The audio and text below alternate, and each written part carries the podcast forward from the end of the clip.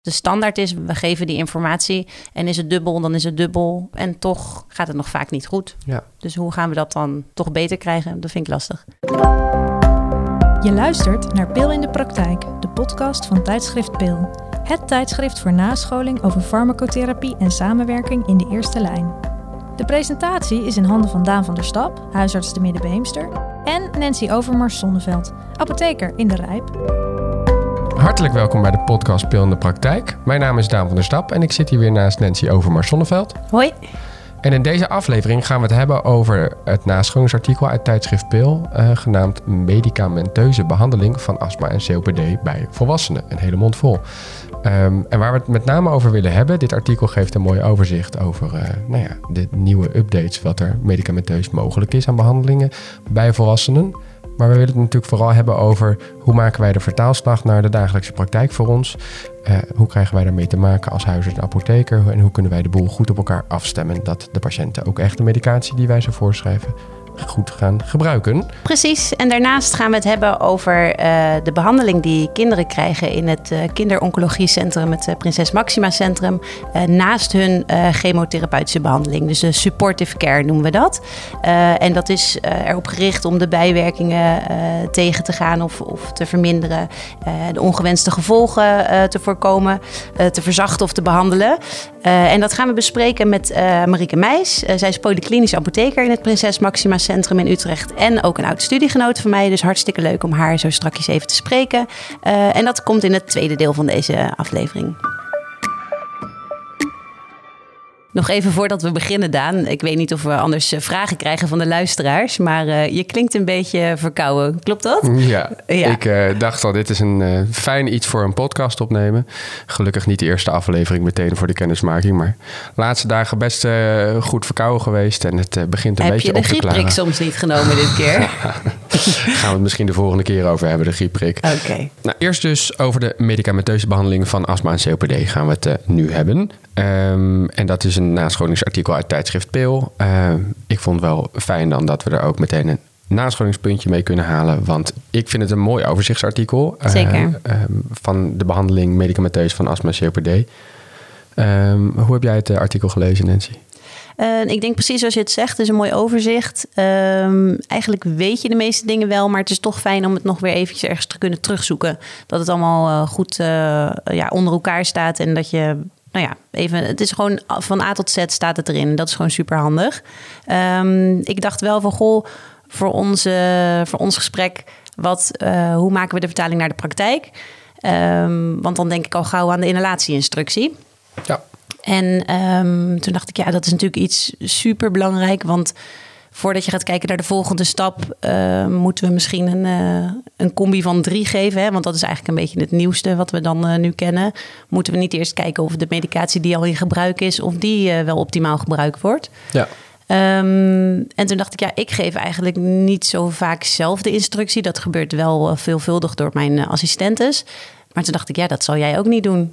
Nee, nou ja, in die zin, ik denk inderdaad een combinatiepreparaten waar je het dan over hebt, bijvoorbeeld niet. Dat, uh, de, de brand ik mijn vingers ook gewoon niet aan, omdat het voor mij ook gewoon allemaal te nieuw is. Dat ik denk, ja, ik heb het één keer dan uh, van een longverpleegkundige voorgedaan. Of het werd door haar voorgedaan en, tijdens een FTO bij ons, hè, van hoe dat dan werkt. Maar het is nou niet dat ik me daar bekwaam in voel. Maar bijvoorbeeld salbutamol of ipratropium in de spreekkamer geven aan een benauwd iemand of het nou volwassen of kind is, dat, dat is iets wat ik zeer regelmatig doe. Omdat ik ook echt het effect wil zien. Dus met de patiënt in de spreekkamer wacht tot ik het effect wel of niet zie. Um, of de patiënt weer even in de wachtkamer laat zitten, maar dan doe ik het weer wel. En dan zie je dus ook, hoe, laat je het mensen dan zelf doen? Of, of hoe gaat zoiets? Goeie vraag. Nee, ik laat het eigenlijk mensen. Uh, uh, ik laat het zelf doen, maar ik praat ze er doorheen. Zeker mensen die het niet gewend zijn. Mensen die het wel gewend zijn, zeg ik ook altijd: doe het alsjeblieft echt voor mijn neus. Dan zeg ik altijd: neem het maar even in.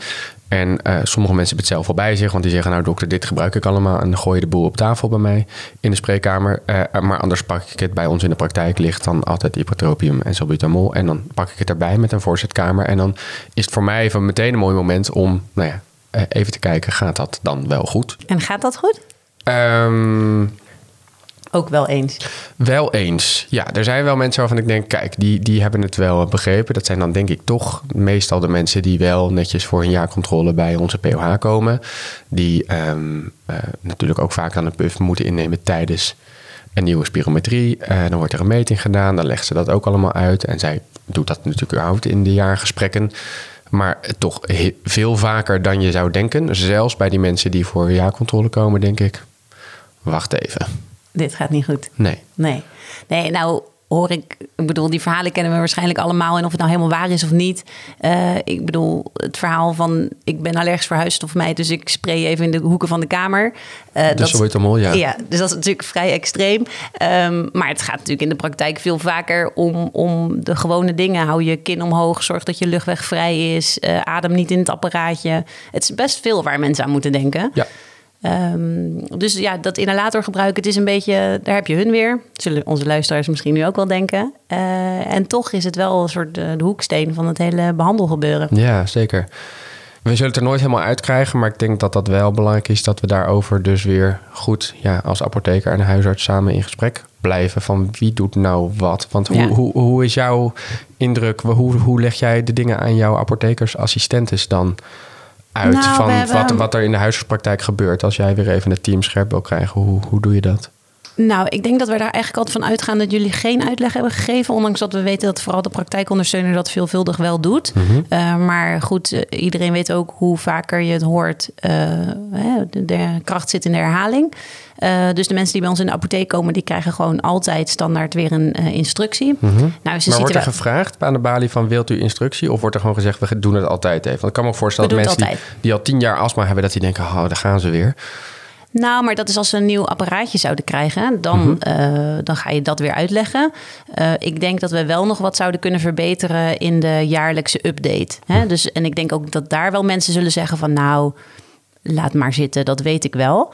Ehm, maar er gebeurt tegenwoordig ook wel steeds meer in het begeleiden van therapietrouw. En dan niet alleen over inhalatiemedicatie, maar in zijn algemeenheid door middel van eh, mails.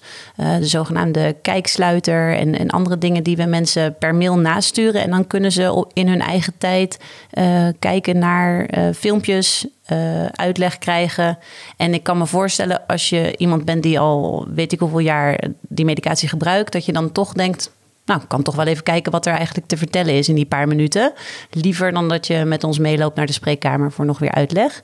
Eh, maar zeker nieuwe mensen, ja, dat is, nou ja, ik wou niet zeggen eh, verplicht, maar ja, toch wel verplicht Ja, nee, het- om met ja, ons mee ja. te komen. Ja. Ja, ja. en dat gaat dan meestal echt in een kamer apart ook even. hè? Gewoon wat, wat ik eigenlijk ook in de spreekkamer doe, gaat het dan bij jullie in een spreekkamer ook? Ja, daar hebben we een spreekkamer voor. oefenen? En eh, nu is onze situatie, eh, zoals die bij jou en mij, is wel soms lastig. Want we hebben een uitdeelpost en hoe ga je daar dan mee om? En dat zijn ja, praktische hobbels. Eh, dus daar moet je dan wel goed met elkaar afstemmen van... goh, eh, is, door wie is de uitleg gegeven? Moet het nogmaals? Wat kunnen we nog betekenen om het goed te laten gebeuren? Maar, Ja, ja, want hoe is jouw ervaring uit je vorige apotheken waar je werkte? Waren er ook apotheken waar het ehm, echt op het recept vermeld moest zijn als de huisarts vond dat, of de POH vond dat er inhalatieinstructies? Of ben jij wel gewend van alle apotheken waar je hebt gewerkt dat het gewoon standaard? Nee, jullie- ik denk dat we, het, dat we het altijd wel standaard deden. Ja. Eh, wat ik aan onze setting fijn vind, is omdat we gewoon eh, in een, dorpse setting zitten. Dat we weten wie we eh, naast ons hebben als voorschrijvers. En eh, hiervoor heb ik in, eh, in Amsterdam gewerkt. En dat is gewoon veel lastiger. Want dan heb je ja, Veel 20, meer 20 praktijken, huisartsen ja. om de hoek eh, met 20 POH's die je echt niet allemaal dagelijks spreekt. En dan zijn dit soort afspraken veel lastiger.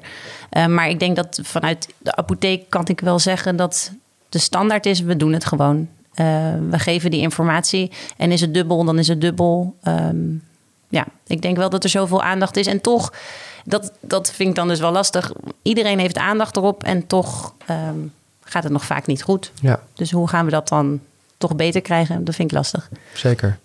Nou, ik denk in ieder geval dat dit artikel eh uit Peel een, een, een mooie start is om ons weer even scherp te krijgen dat we moeten ehm, vernieuwen. Toch ook met ook de medicatie hiervoor. Ehm, en dat we ook met name in gesprek samen moeten blijven over hoe we ervoor zorgen dat die eh, nieuwe medicatie dan eh, goed bij de In de patiënt eh, praktijk. binnenkomt. Precies.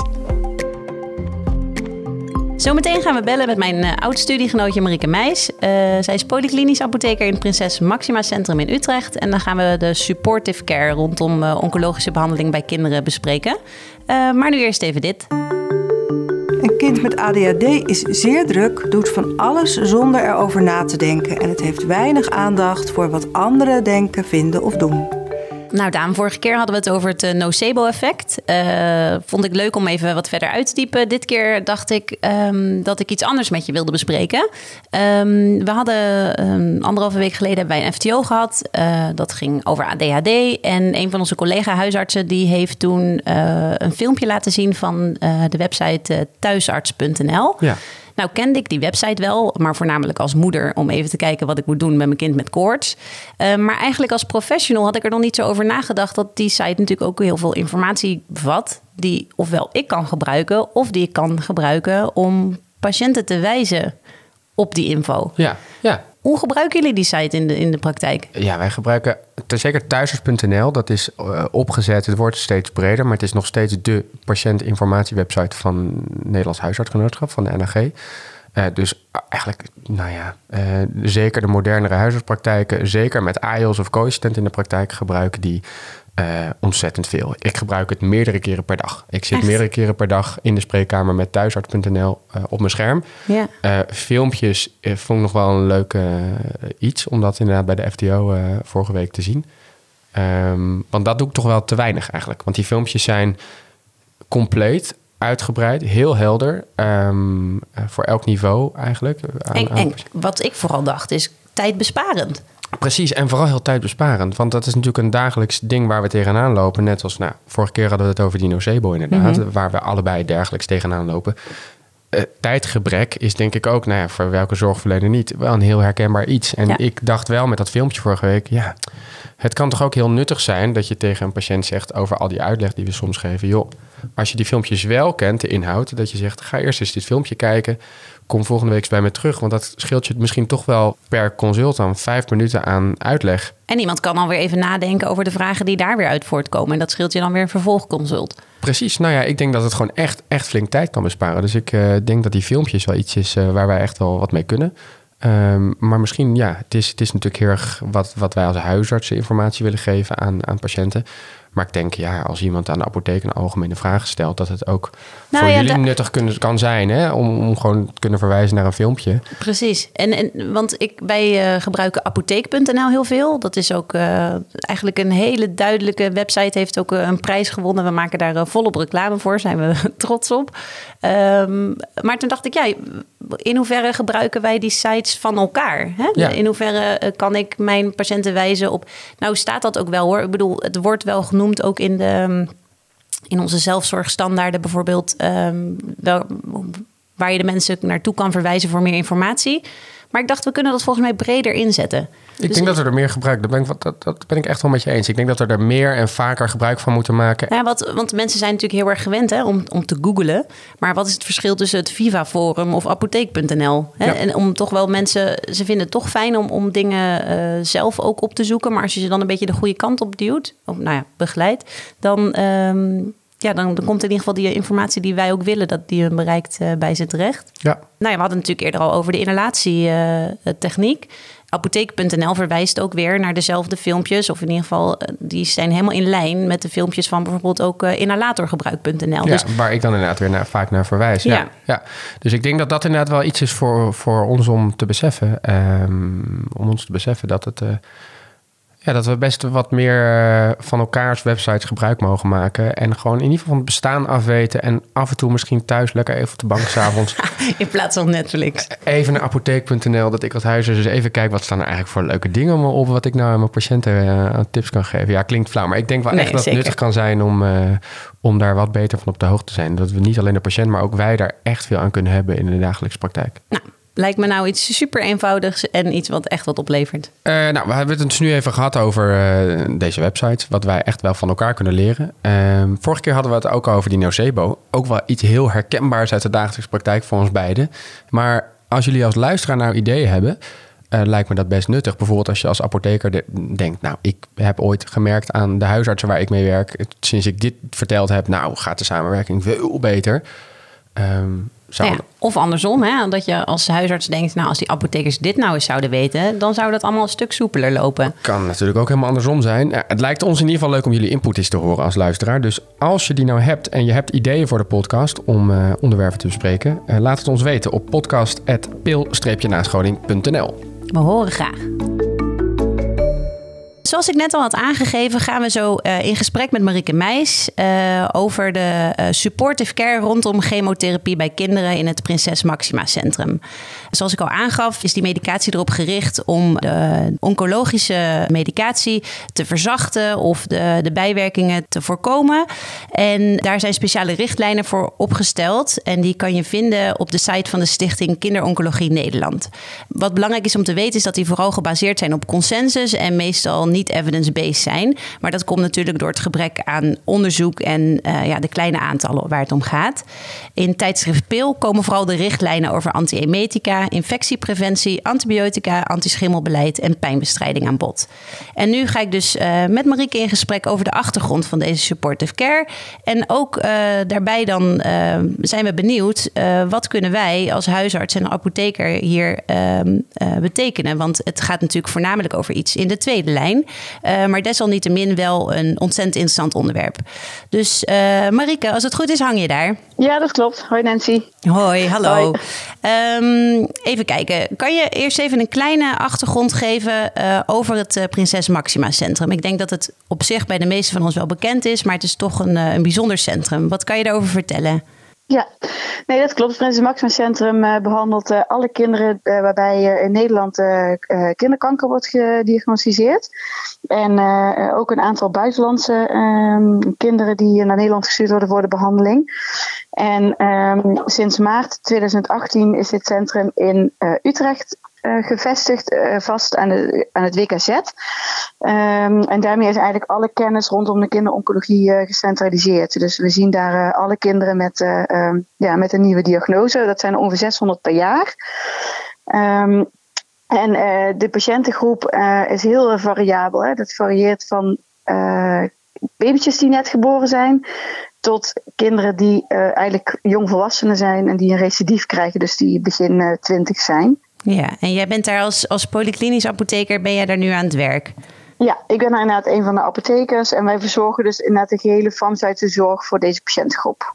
En kan je aangeven wat het grootste verschil is uh, met de, de vorige uh, polyklinische apotheek waar je hebt gewerkt? Wat, wat maakt het een bijzondere omgeving? Ja, um, wat maakt het anders is dat het natuurlijk heel erg gespecialiseerd is. Dus eigenlijk één type um, één type, um, ja, één ziektebeeld. Hoewel uh, bij al deze kinderen, je noemde het net al even bij de introductie, door de chemotherapie ook andere problemen in zicht uh, komen. Dus uh, leverfalen, uh, nierfalen, hartfalen.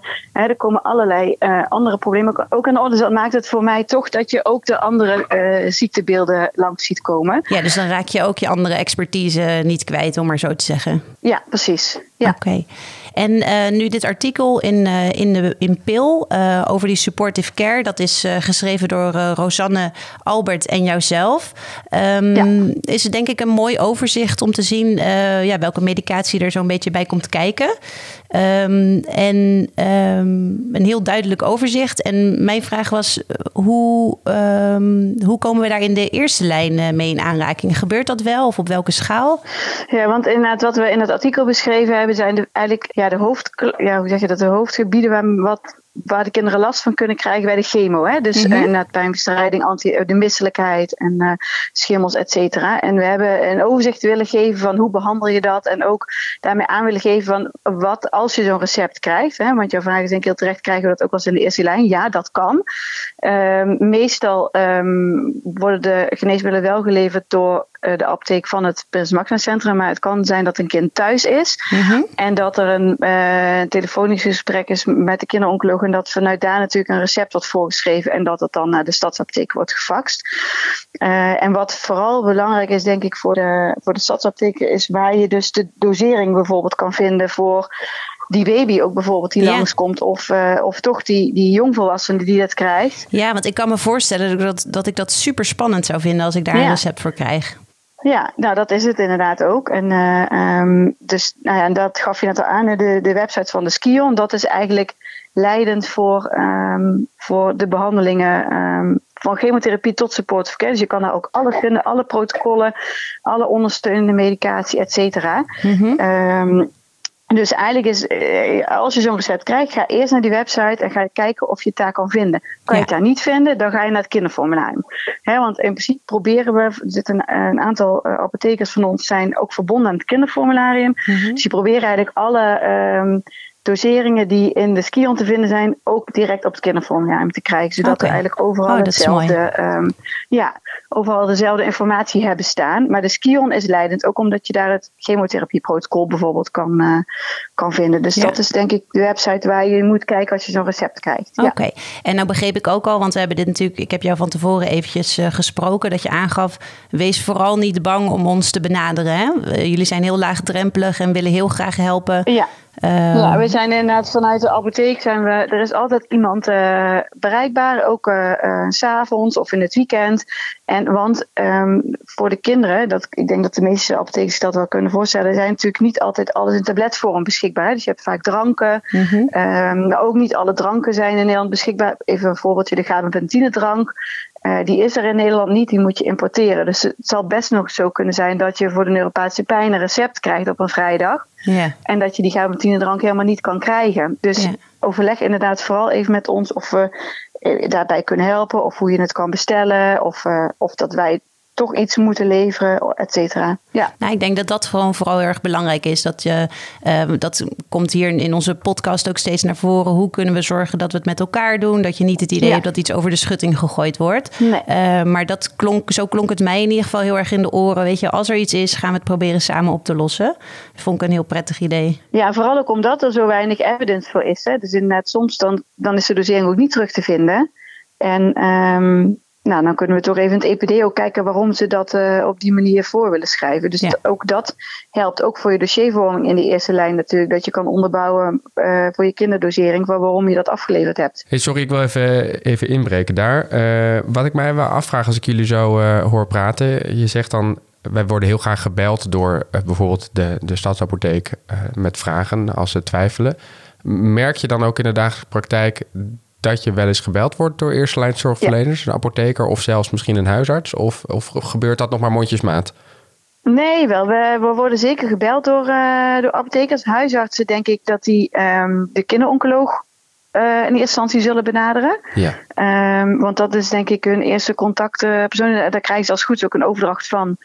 Um, hoop ik tenminste vanuit, uh, vanuit de tweede lijn natuurlijk wat er met het kind aan de hand is. Dus wij worden niet zo heel vaak door huisartsen gebeld, met name door de apothekers. Oké, okay. ja. Jullie mogen ons uiteraard wel altijd bellen, maar dat gebeurt heel weinig. Ja, snap ik. Nee, maar ik denk dat het uh, terecht is wat je zegt. Dat, um, dat wij, wij worden sowieso inderdaad heel netjes op de hoogte gehouden met brieven door, uh, door oncologen ja. over het algemeen. Um... Ja, en wanneer we wel veel, veel contact hebben met jullie, en dat gaat dan ook vaak met het uh, transferbureau, dat is een soort uh, thuiszorgbemiddelaar, uh, zeg maar. De, als de kinderen de palliatieve fase in, of de terminale fase ingaan, ja. dan, want dan dragen we het, hè, het kind vaak over aan, aan de eerste lijn. En dan, op dat moment is er vaak wel contact tussen de apotheek van het Maxima en de huisarts. Ja. Eh, omdat dan we vaak de schakel zijn met de anesthesioloog van het ziekenhuis. Precies, ja. Uh, even nog iets anders, Daan. Want jij gaf aan dat jij die richtlijnen, of in ieder geval de website van Skion, wel kende. Toch? Wat, ja, ja, hij komt uh, tegenwoordig gelukkig wel uh, voorbij op de huisartsopleiding. met name kan ik mij nog herinneren van een paar jaar geleden toen ik de huisartsopleiding deed, dat dat het voorbij kwam dat wij, nou ja, als een onderwerp, dat de late effecten van uh, oncologische behandeling ook goed beschreven staan op de website van Skion. Dus ja. dat wij het zelfs wel heel goed kunnen gebruiken voor volwassenen die misschien ja, twintig jaar geleden ooit voor een ehm, leukemie als tiener of zo zijn behandeld. Dat Skion een ontzettend prettige ja. ja website is om een ja, naslagwerk eigenlijk voor ehm, dit soort dingen nalezen. Dus ik vind het ook wel leuk aan dit artikel nu in Pil van, uh, van jou, Marieke, en van uh, Rosanne. Om ja, dan te lezen van dat Skihon ook uitgebreid wordt met, uh, ja, met steeds meer informatie en richtlijnen. Ja. Waar we wat mee kunnen, ook in de eerste lijn, denk ik uiteindelijk. zij het dan niet in de palliatieve fase voor ons als huisartsen, maar, maar, maar toch. Ja, ik ken, ik ken het helemaal niet, Marieke. Maar ik denk wel dat het voor ons heel nuttig is.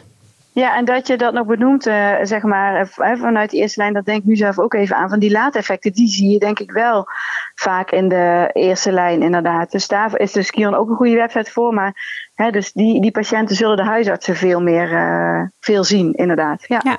Oké. Hey, dankjewel Marike dat je dit hebt willen toelichten. Uh, zoals gezegd, niet een enorme rol in de eerste lijn, maar toch wel heel interessant om wat meer van te weten. En ik denk vooral het feit dat jullie zo benaderbaar zijn, uh, dat dat heel gewoon een prettig gevoel geeft. Uh, en daarnaast de informatie die we op het Skion kunnen vinden. Dus ehm, nou, hartstikke fijn. Dankjewel voor je tijd. En veel succes met de kleintjes thuis. Ja, oké. Okay, dankjewel. oké, okay, doei. Oké, doei. Hiermee zijn we aan het einde gekomen van alweer de tweede aflevering van de podcast Speel in de Praktijk. Nancy, hoe heb jij je vandaag ervaren?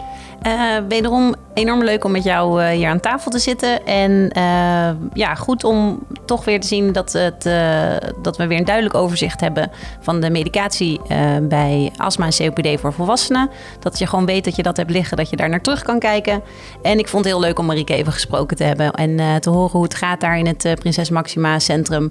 Ja, best wel indrukwekkend wat ze daar doen. En fijn om te weten dat ze zo benaderbaar zijn. Ja, precies. En ik denk dingen die voor mij vandaag blijven hangen is praktische dingen. Altijd wat gaan we online nou gebruiken? Jij zei als apotheker wil ik meer op toch wel iets meer weten wat er op thuisarts.nl te vinden is. En misschien vaker ook van collega huisartsen horen wat ik nou misschien als apotheker daarvan kan gebruiken. Andersom wil ik apotheek.nl vaker gaan gebruiken. En uh, wil ik toch vooral ook uh, dat wij beiden eigenlijk skion.nl uh, de richtlijnen Zeker. van de kinderoncologie in ons ja. achterhoofd houden als goed naslagwerk. Ja, we hebben toch eigenlijk best wel weer wat om mee te nemen. Wat en, een ja. productieve podcast weer. Ja. ja. Hey, wij hopen dus ook weer dat jullie net zoveel geleerd hebben als, als wij vandaag. En dat jullie hier wellicht ook al in de praktijk de komende dagen of weken ook iets mee kunnen doen. Um, wil je nou reageren op de aflevering van vandaag? Dan kan dat uh, via podcast.pil-nascholing.nl.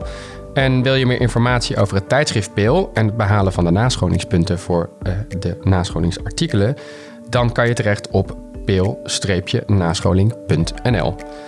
Dank voor het luisteren en wederom tot een volgende aflevering. Tot de volgende keer. Ik ga je trouwens de volgende podcast wel terugpakken over je vraag over de griepprik. Dan ga ik je even uitleggen dat griep wat anders is dan een verkoudheidsvirus. Maar dat komt dan de volgende keer. Je luisterde naar Pil in de Praktijk, de podcast van tijdschrift Pil. Het tijdschrift voor nascholing over farmacotherapie en samenwerking in de eerste lijn. Pil verschijnt vier keer per jaar in de vorm van een papieren tijdschrift en geaccrediteerde e-learnings.